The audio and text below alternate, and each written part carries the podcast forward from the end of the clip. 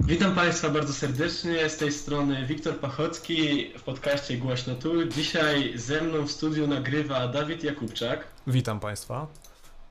A w naszym studiu naszym gościem dzisiaj jest y, prezes Fundacji na Rzecz Praw Ucznia oraz współzałożyciel Gazety Kongresy, czyli Mikołaj Wolanin. Witam Cię Mikołaju. Dzień dobry, bardzo dziękuję za zaproszenie. Też się cieszymy, że, że możemy Cię dzisiaj tutaj gościć. E, więc bez owijania zbędnego w bawełnę zaczniemy od razu od pytań. Tak. E, działałeś między innymi w Fundacji na Rzecz Praw Ucznia, ale właściwie czym ona jest i czym tak dokładnie się zajmuje, oprócz tego, jak nazwa wskazuje?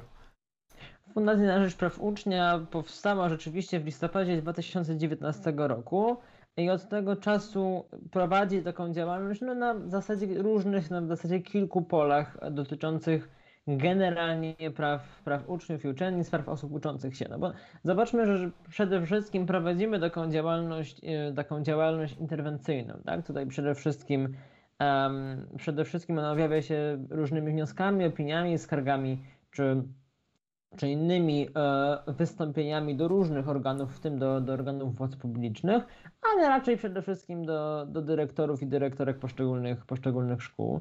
E, co równie ważne, mm, prowadzimy taką działalność edukacyjną, tutaj przede wszystkim poprzez wydawanie e, książek, tak, poprzez wydawanie publikacji, prowadzenie ewentualnych wykładów czy, czy, czy prelekcji w zakresie praw osób uczących się ale też e, dość często podejmujemy taką działalność inicjatywną, tutaj przede wszystkim w zakresie zmian legislacyjnych, e, ale o, o, tym pewnie jeszcze będziemy mówić nieco, nieco później.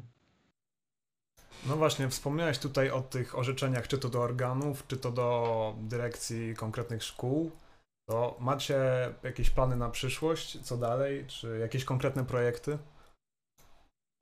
Tutaj przede wszystkim e, skupiamy się na tej bieżącej działalności, działalności nazwijmy to nazwijmy to interwencyjno-edukacyjnej, ale to też nie jest tak, że, że nie mamy żadnych, żadnych pomysłów na kolejne nowe to działania. No, myślimy, że, że przede wszystkim e, trzeba, mamy nadzieję, że uda nam się zwiększyć rolę w świecie, w świecie oświaty Olimpiady Wiedzy o Prawach Uczniów, którą udaje nam się organizować już od, już od dwóch lat, poprzez na przykład pozyskanie indeksów z różnych uczelni wyższych za, za ewentualne osiągnięcia w postaci tytułu finalisty, finalistki czy laureata, laureatki w tejże, w tejże olimpiadzie. Mamy też pomysł z wyjściem nieco międzynarodowym, bo z wyjściem do, do Polonii, i zorganizowania swoistego konkursu wiedzy, czy to o prawach ucznia, czy to o prawach dziecka, właśnie dla e, osób uczących się w szkołach polonijnych, tak, uczących się poza granicami naszego, naszego kraju, ale czy to się uda, to jeszcze, jeszcze zobaczymy. Tak, no są też różne pomysły w zakresie na przykład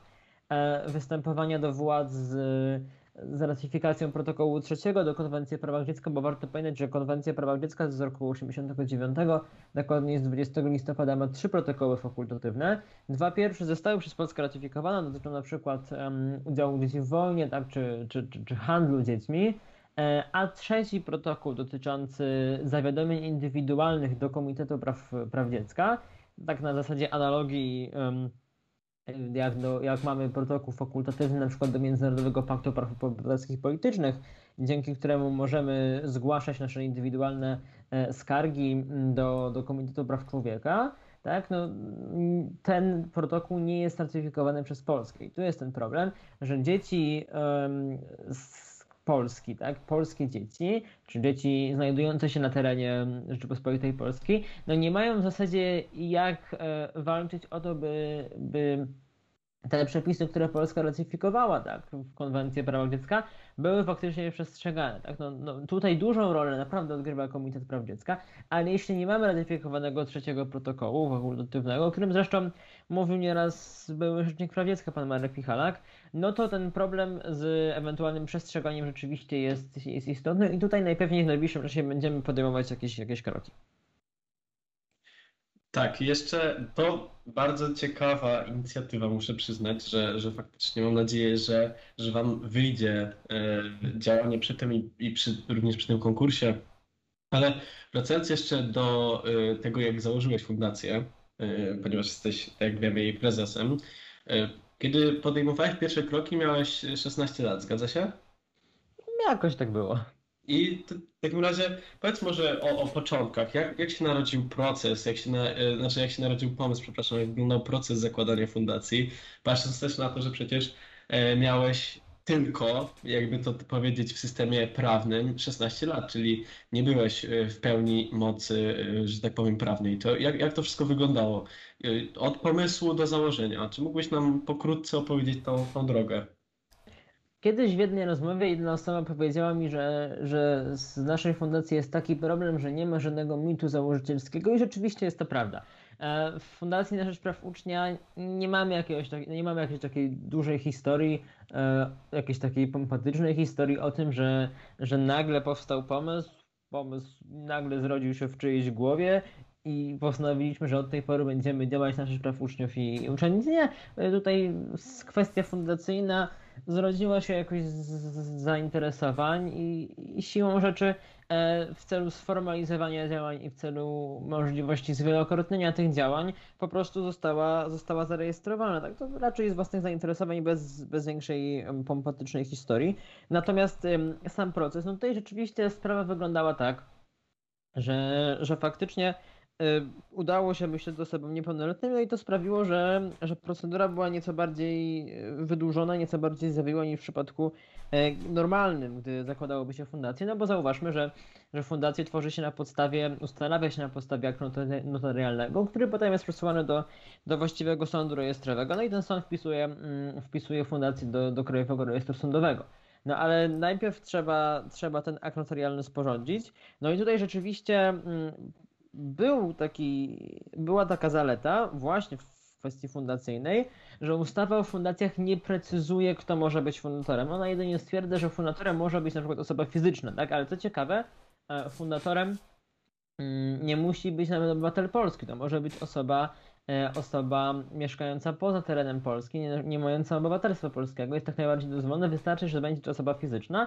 I tutaj właśnie w tym przepisie nie wiem do końca, czy jest to luka, czy, czy celowe działanie polskiego ustawodawcy, ale no, podczas uchwalenia ustawy w roku 1984 nie sprecyzowano, że fundator musi mieć pełną zdolność do, do czynności prawnych, wobec czego do, tutaj a contrario dozwolone było, żeby osoba bez tej pełnej zdolności do czynności prawnych, czyli bez 18 roku życia, czy, czy prawda, wcześniejszego uzyskania pełnoletności z uwagi na, na zawarcie związku małżeńskiego, na sytuację szczególnej o niej raczej nie mówimy, no założyła, ustanowiła fundację jako jej, jako jej fundator. No tutaj tak samo zresztą w tej ustawie nie ma nic o tym, że, że zarząd fundacji musi mieć także e, pełną zdolność do czynności prawnych. To jest, e, mam wrażenie, że pełna luka, no bo w ustawie o stowarzyszeniach na przykład mamy takie przepisy, jasno mamy uwarunkowane, że członkowie założyciele stowarzyszenia muszą być osobami pełnoletnimi, tak, no w szczególności w stowarzyszeniu rejestrowym, rejestrowanym, e, a, a zarząd może się składać oczywiście z osób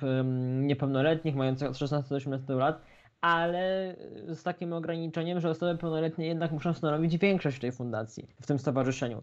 Także no, myślę, że jest to pewna luka w, w ustawie o fundacjach, ale ona na to, by na podstawie właściwych przepisów kodeksu rodzinnego i opiekuńczego um, uzyskać zezwolenie sądu rodzinnego.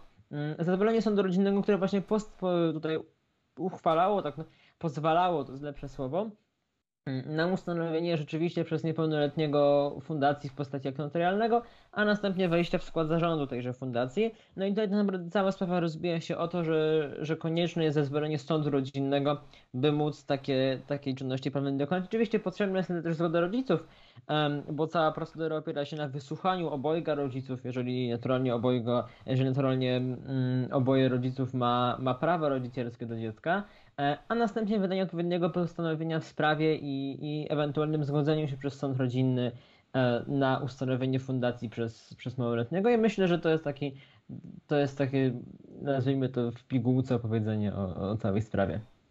No to bardzo ciekawa sytuacja jak dla mnie, że, że właśnie cieszę się, że, że czasami te kluczki prawne, czy tam te, te luki tak zwane, można wykorzystać w dobry sposób.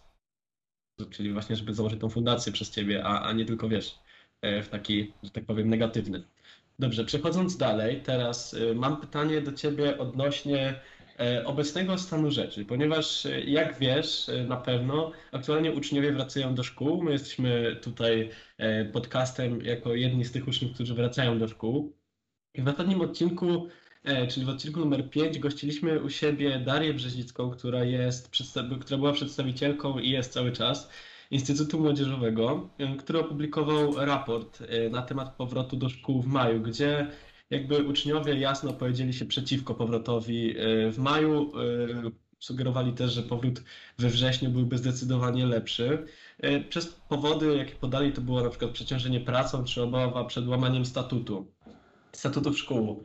E, I mam do Ciebie pytanie, jakie jest Twoje zdanie prywatne i też jako fundacji na, na temat tego właśnie majowego powrotu do szkół? Czy to jest dobry pomysł, czy zgadzasz się e, z uczniami, którzy brali udział w tym badaniu?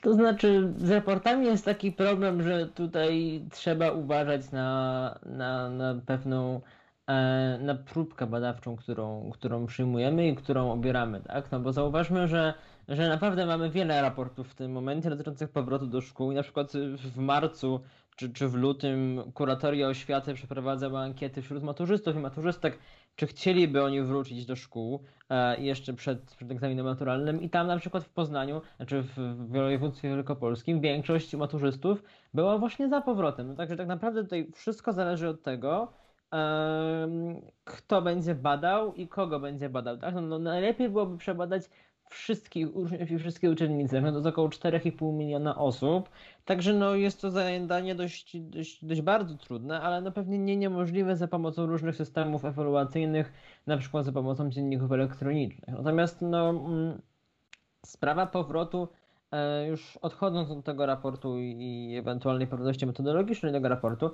no, no wygląda tak, że, że tak naprawdę podejścia są różne, tak? I myślę, że każda osoba różnie ocenia ten, ten powrót, to czy on jest konieczny, czy, czy, on nie jest, czy on nie jest konieczny. No tutaj najpewniej argumenty za są takie, że, że powrócimy do spotkań towarzyskich, że faktycznie będziemy mogli się spotkać z koleżankami i kolegami po, po naprawdę dość długim czasie swoistej absencji spotkań towarzyskich, tak? No i, i, i, że metody sprawdzania wiedzy będą, będą lepsze, no bo, no bo faktem jest, że, że podczas nauki zdalnej jednak sprawdzanie wiedzy no, siłą rzeczy nie odbywało się w sposób pełni, w pełni uczciwy, no i tutaj do tego nie ma, nie ma żadnej dyskusji. Natomiast no oczywiście argumenty drugiej strony będą też e, dość silne i, i dotyczące na przykład właśnie e, przeciążenia i, i tego, że, że większość nauczycieli i nauczycielek będzie chciała sprawdzić ich, ich wiedzę tak szybko, jak jest to możliwe i w tak dużym zakresie, jak jest to możliwe.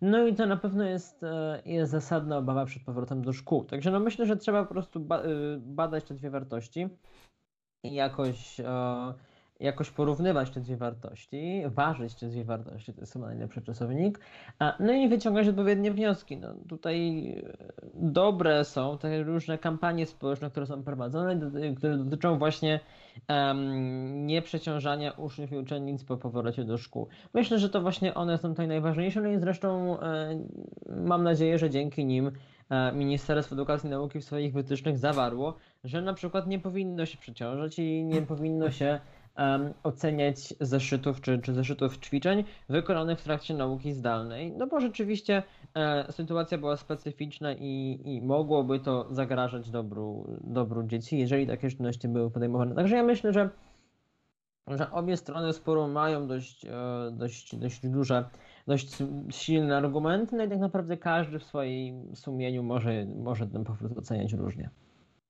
To znaczy tak, tylko że tak jeszcze dopowiadając do tego pytania, które zadałem, czy mógłbyś, y, czy może mógłbyś powiedzieć, jakie ty masz na ten temat zdanie jako, jako Mikołaj Wolanin? Cóż, no Mikołaj Wolanin skończył szkołę trzy tygodnie temu, także on nie za bardzo jest, jest tutaj władny do, do wypowiadania się na ten temat. Natomiast e, no, Mikołaj Wolanin sądzi, że, że z uwagi na, na spotkania towarzyskie pewnie warto byłoby wrócić, ale z uwagi na właśnie niebezpieczeństwo, e, niebezpieczeństwo nazwijmy to przepracowania uczniów, czy, czy, e, czy zagrożenia przestrzegania ich prawa wolnego, tego powrotu jednak nie powinno, nie powinno być. Także no, naprawdę są te dwie perspektywy i myślę, że, że perspektywa spotkań towarzyskich jest tutaj nieco ważniejsza, ale trzeba pamiętać o tym, by jednak uczniów nie przeciążać i, i trzeba prowadzić kolejne te akty społeczne, które będą uświadamiały szkoły, że nie powinny w trakcie tego, tego kolejnego miesiąca działać tak, jakby chciały sprawdzić całą wiedzę uczestniczeń z, z, z ostatniego roku, czy, czy, nawet, czy nawet dłuższego czasu, mm, a żeby naprawdę postawiły na odbudowywanie kolejnych relacji. To myślę, że to są słuszne uwagi, ale odejdziemy teraz trochę od tych tematów. Wspomniałeś przed chwilą, że ty już właśnie szkołę skończyłeś, zdawałeś maturę w tym roku, ale jak udawało ci się połączyć naukę z działalnością społeczną, czy też znaleźć czas na życie towarzyskie w tym wszystkim?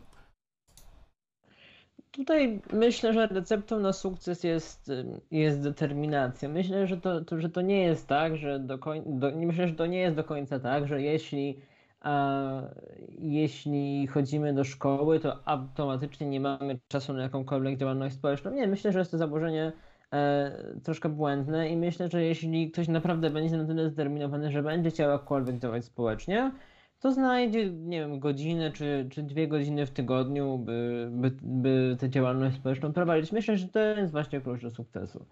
Żeby, jeżeli jest taka chęć i wola, to właśnie, żeby, żeby to robić, żeby to stawiać, no bo zauważmy, że że sama działalność naukowa, oczywiście dla niektórych będzie, będzie ważna, ale dla niektórych działalność społeczna będzie równie ważna i będą oni się jakoś starali ten czas e, równoważyć. Oczywiście pewnie też ważna jest organizacja czasu, no i też e, tutaj posiadanie odpowiednich współpracowników i współpracowniczych, no bo działalność e, w pojedynkę jest działalnością trudniejszą i wymagającą większych nakładów czasu, więc jeżeli znajdziemy sobie dobrych współpracowników i dobre współpracowniczki, to ta, to ta wartość czasu, ta, ta, ta ilość czasu, którą musimy poświęcić, będzie, w zasadzie ta liczba czasu, bo jest to, jest to rzecz policzalna, będzie odpowiednio mniejsza.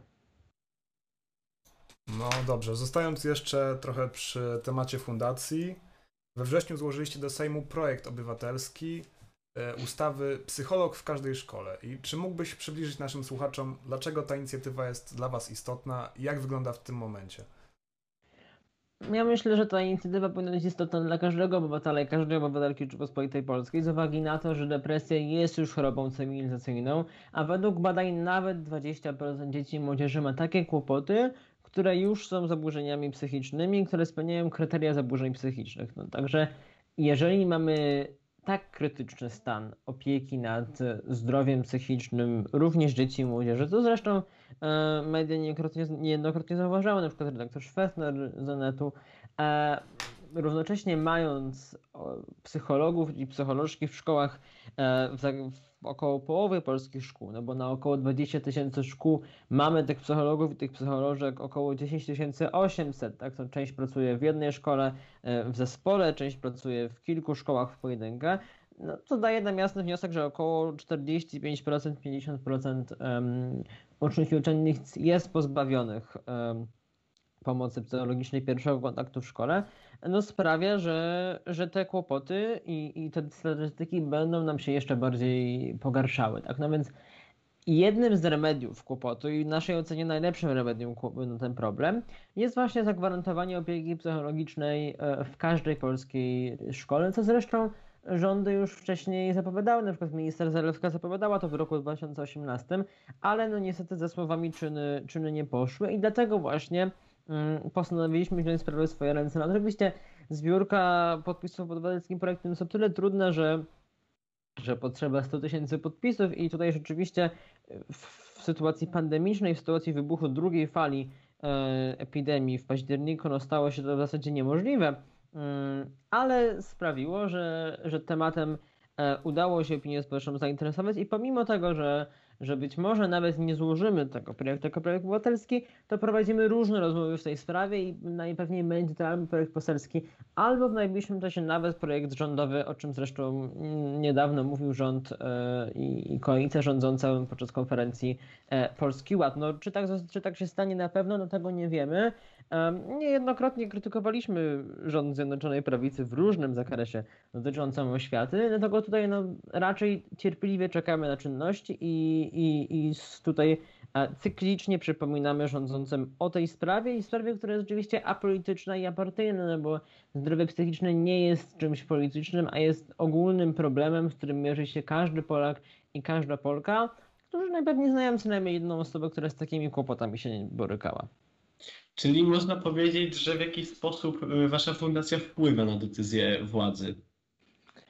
Miejmy na to nadzieję. Ja nie chciałbym kategorycznie i tutaj się wypowiadać w tej, w tej kwestii. No, musimy zauważyć, że, że pewne wystąpienia są kierowane do, do władz i, i czasem, czasem one mają pozytywny wydźwięk, czasem mają negatywny wydźwięk. Tak? No, tutaj różnie bywa, ale miejmy nadzieję, że uda nam się e, przekonać rządzących do między innymi tej sprawy. Dobrze, to było to właśnie bo przed sekundą e, trochę wyprzedziłeś e, pytanie, to było pytanie od naszego ankietowanego, czy, czy właśnie możecie wpływać na decyzję władzy, ale e, teraz idąc dalej, odchodząc trochę od fundacji, ale zostając nadal przy edukacji, czy uważasz i no ogólnie, czy, czy uważasz, że nauczyciele w Polsce są dobrze przygotowani do, do pełnienia zawodu i też e, drugie pytanie dopowiadające, czy ten zawód nauczyciela cieszy się, przepraszam, właściwym prestiżem, czy jednak jest on y, społecznie niedoceniany? Jakie jest Twoje zdanie na ten temat? Ja mam wrażenie, że część tych pytań, że część tego pytania jest nieco, nieco retoryczna w zakresie na przykład e, społecznego prestiżu zawodu. No na pewno... Sądzę, zawód... żeby, że dobrze, żeby to wybrzmiało mimo wszystko E, bo uważam, że to jest faktyczny problem. To już Jasne. przepraszam, nie przerywam. Mm, zawód nauczyciela, nauczycielki ma swoją godność, zresztą o, o tej godności zawodu mówi karta nauczyciela, na przykład w zakresie e, postępowania dyscyplinarnego i ewentualnego uchybienia godności tegoż zawodu.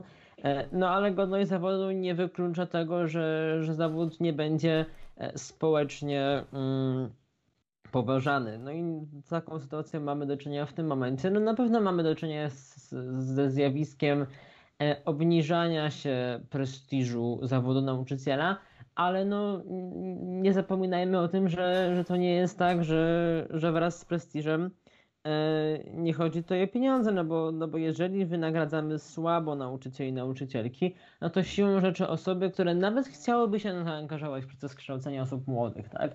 które byłyby kompetentne do tego, które naprawdę miałyby pasję i powołanie do zawodu nauczyciela, no nie idą w ten zawód z uwagi na to, że będą zarabiały bardzo, bardzo nis, bardzo, bardzo słabo. Tak? No i to jest ten problem, na który zwraca się uwagę już, już od lat. Także no, Tutaj w tym aspekcie też trzeba podjąć jakieś działania, no ale to jest taki problem, że jeżeli od 30 lat y, istnienia Rzeczypospolitej Polskiej, no już ponad 30, nikt nie zwraca uwagi na, na oświatę, żaden rząd, no to skutki są takie, jakie, jakie widzimy, tak? No jeśli nikt nie interesuje się oświatą, to problemy tylko się nawarstwiają. Powiedziałeś dużo teraz o nauczycielach, ale mamy jeszcze dru drugą grupę w tej społeczności, czyli uczniów. I niestety, według wielu, mało się mówi o ich prawach. I jak myślisz, z czego to się bierze?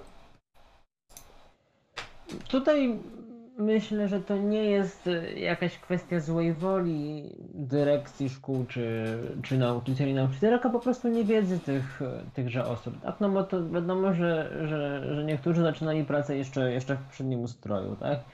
Wiadomo, że niektórzy nie do końca zwracają uwagę na, mm, na właśnie te prawa z uwagi na przykład na mylne przekonanie o tym, że, że ich zawód ma bardzo duży respekt i, i, i, i musi być poważany w pełni, nawet jeśli oni, oni czynią źle. Tak? No, no niektórzy pewnie nie poszli z duchem czasu i, i nie zauważyli pewnych zmian, które nastąpiły w ostatnich 30 latach w systemie oświaty.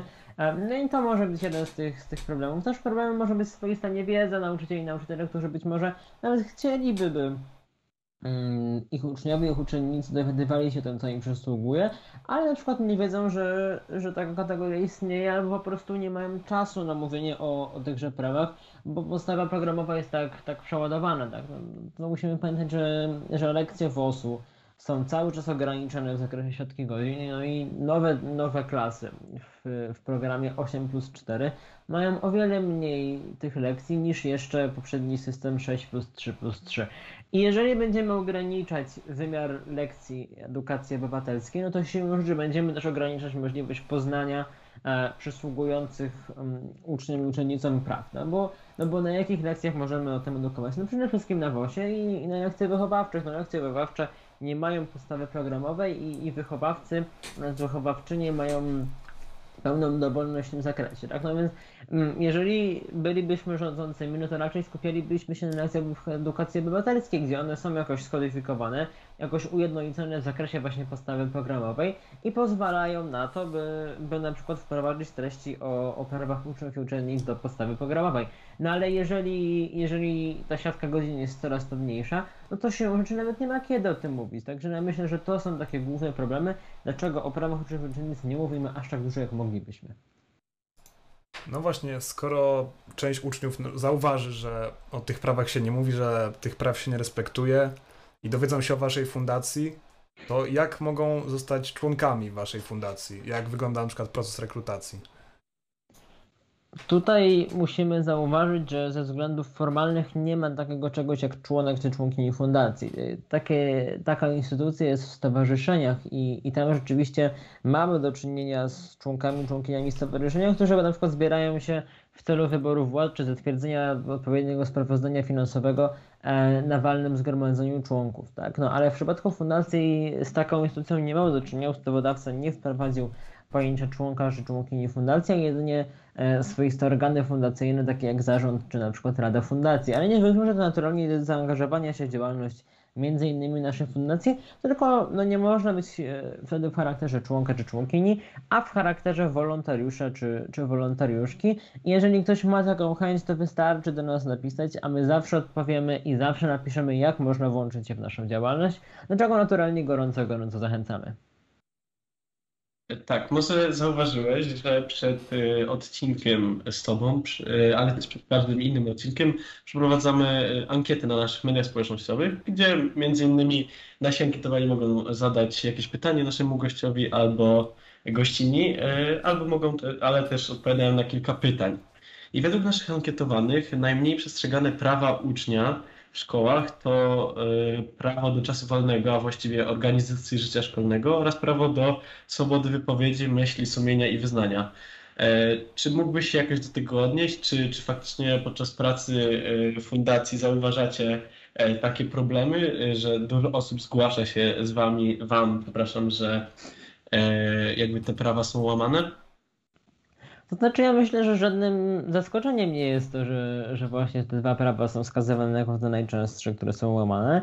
No bo naturalnym jest, że, że problem, że problem mm, przepracowania uczniowskiego jest bardzo duży i, i, no i najpewniej będzie, będzie teraz w okresie popandemicznym, w okresie postnaukowo-zdalnym jeszcze bardziej zgłębiany, tak? jeszcze bardziej, jeszcze bardziej łamany. No, no tutaj e, prowadzone są pewne kampanie społeczne, no ale tutaj problem może być taki, że nie ma takiego ogólnokrajowego rozwiązania tej kwestii i, ogólnokrajowo jedynie zauważamy i wskazujemy na to, że, że powinno być prawo do czasu wolnego, ale szczegóły określają szkoły. No więc tutaj duża jest rola samych szkół, które określają na przykład limity sprawdzianów w tygodniu, czy, czy, czy limity na przykład prac domowych w tygodniu.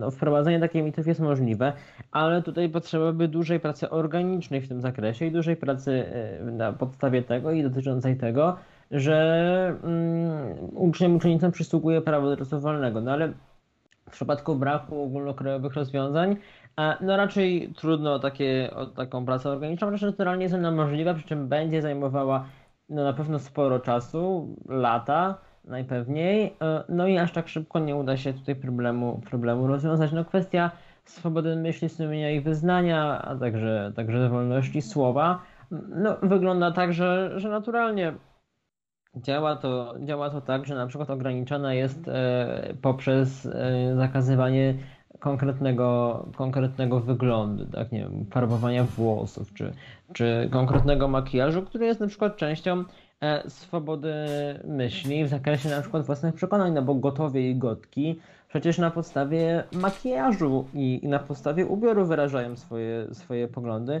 No i tutaj problem jest z takimi szkołami, które nie do końca legalistycznie podchodzą do tej kwestii. Naturalnie ustawowo możliwe jest regulowanie na przykład um, ubioru uczniów i uczennic, ale z kolei niedozwolone już jest regulowanie wyglądu. No i tutaj czasem, czasem pewna niewiedza w tym zakresie sprawia, że mamy do czynienia z takimi problemami, jakie mamy. Dobrze, dziękujemy za te odpowiedzi. To już koniec pytań na dziś. Oprócz jeszcze jednego. mamy w naszym podcaście powiedzmy taką tradycję, że każdego naszego gościa pytamy o serial albo jakiś film, czy też książkę, yy, który najbardziej wpłynął na nich i który poleciliby naszym słuchaczom. Więc co ty byś polecił? Oj, no tutaj mam, tutaj mam dość duży problem w tym zakresie. Zawsze trudno mieć odpowiedzi na takie, na takie pytania. E, ja myślę, że, że zamiast tego polecę może, może pewne opery w tym zakresie.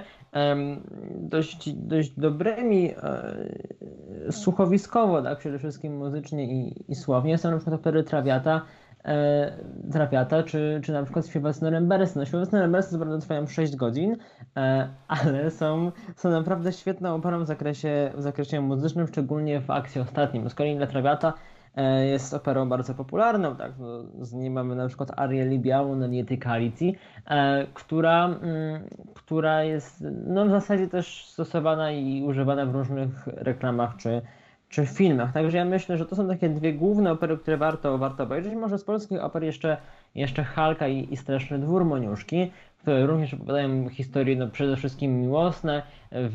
Jedna z tych oper bardziej o miłości tragicznej, druga z tych oper z kolei o, o, o miłości ze szczęśliwym zakończeniem. Także nie wiem, czy te opery jakoś bardzo na mnie wpłynęły, ale na pewno bardzo, bardzo je lubię i dlatego bardzo polecam e, odsłuchanie ich, czy, czy obejrzenie w pobliskiej operze, czy być może w internecie.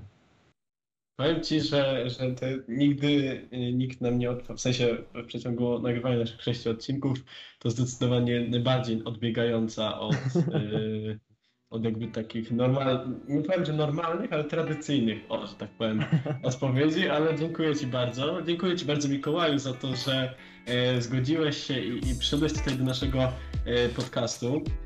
Bardzo miło było nam cię gościć. Mm, bardzo, bardzo e, fajnie e, ta rozmowa wyglądała. Mm, a już naszych słuchaczy w tym momencie zapraszamy, e, żeby odwiedzili profile społecznościowe Instytutu. Na Facebooku oczywiście, przepraszam, nie Instytutu, tylko Fundacji na Rzecz Praw Ucznia, przepraszam. E, oczywiście możecie wejść sobie na Facebooka, e, też e, na stronę internetową. E, no i zapraszamy też tradycyjnie na nasze e, social media, na Facebooka, e, Instagrama. Też Mikołaj, chcielibyśmy Ci powiedzieć, że to był ostatni odcinek naszej serii, którą teraz prowadzimy, więc cieszę się, że tak w taki dobry sposób zamknęliśmy tą serię. Dziękuję bardzo wszystkim słuchaczom za, za naszych odcinków i dziękuję też Mikołaju, że byłeś naszym ostatnim gościem. To ja bardzo dziękuję za zaproszenie, to była bardzo duża przyjemność. Dobrze, to w takim razie e, do, do usłyszenia ze wszystkimi naszymi gośćmi. E, zapraszamy do śledzenia naszych social mediów, tam na pewno będziemy przekazywać dalsze informacje co do rozwoju podcastu. Dziękujemy, do widzenia. Do widzenia. Dziękujemy bardzo, do widzenia.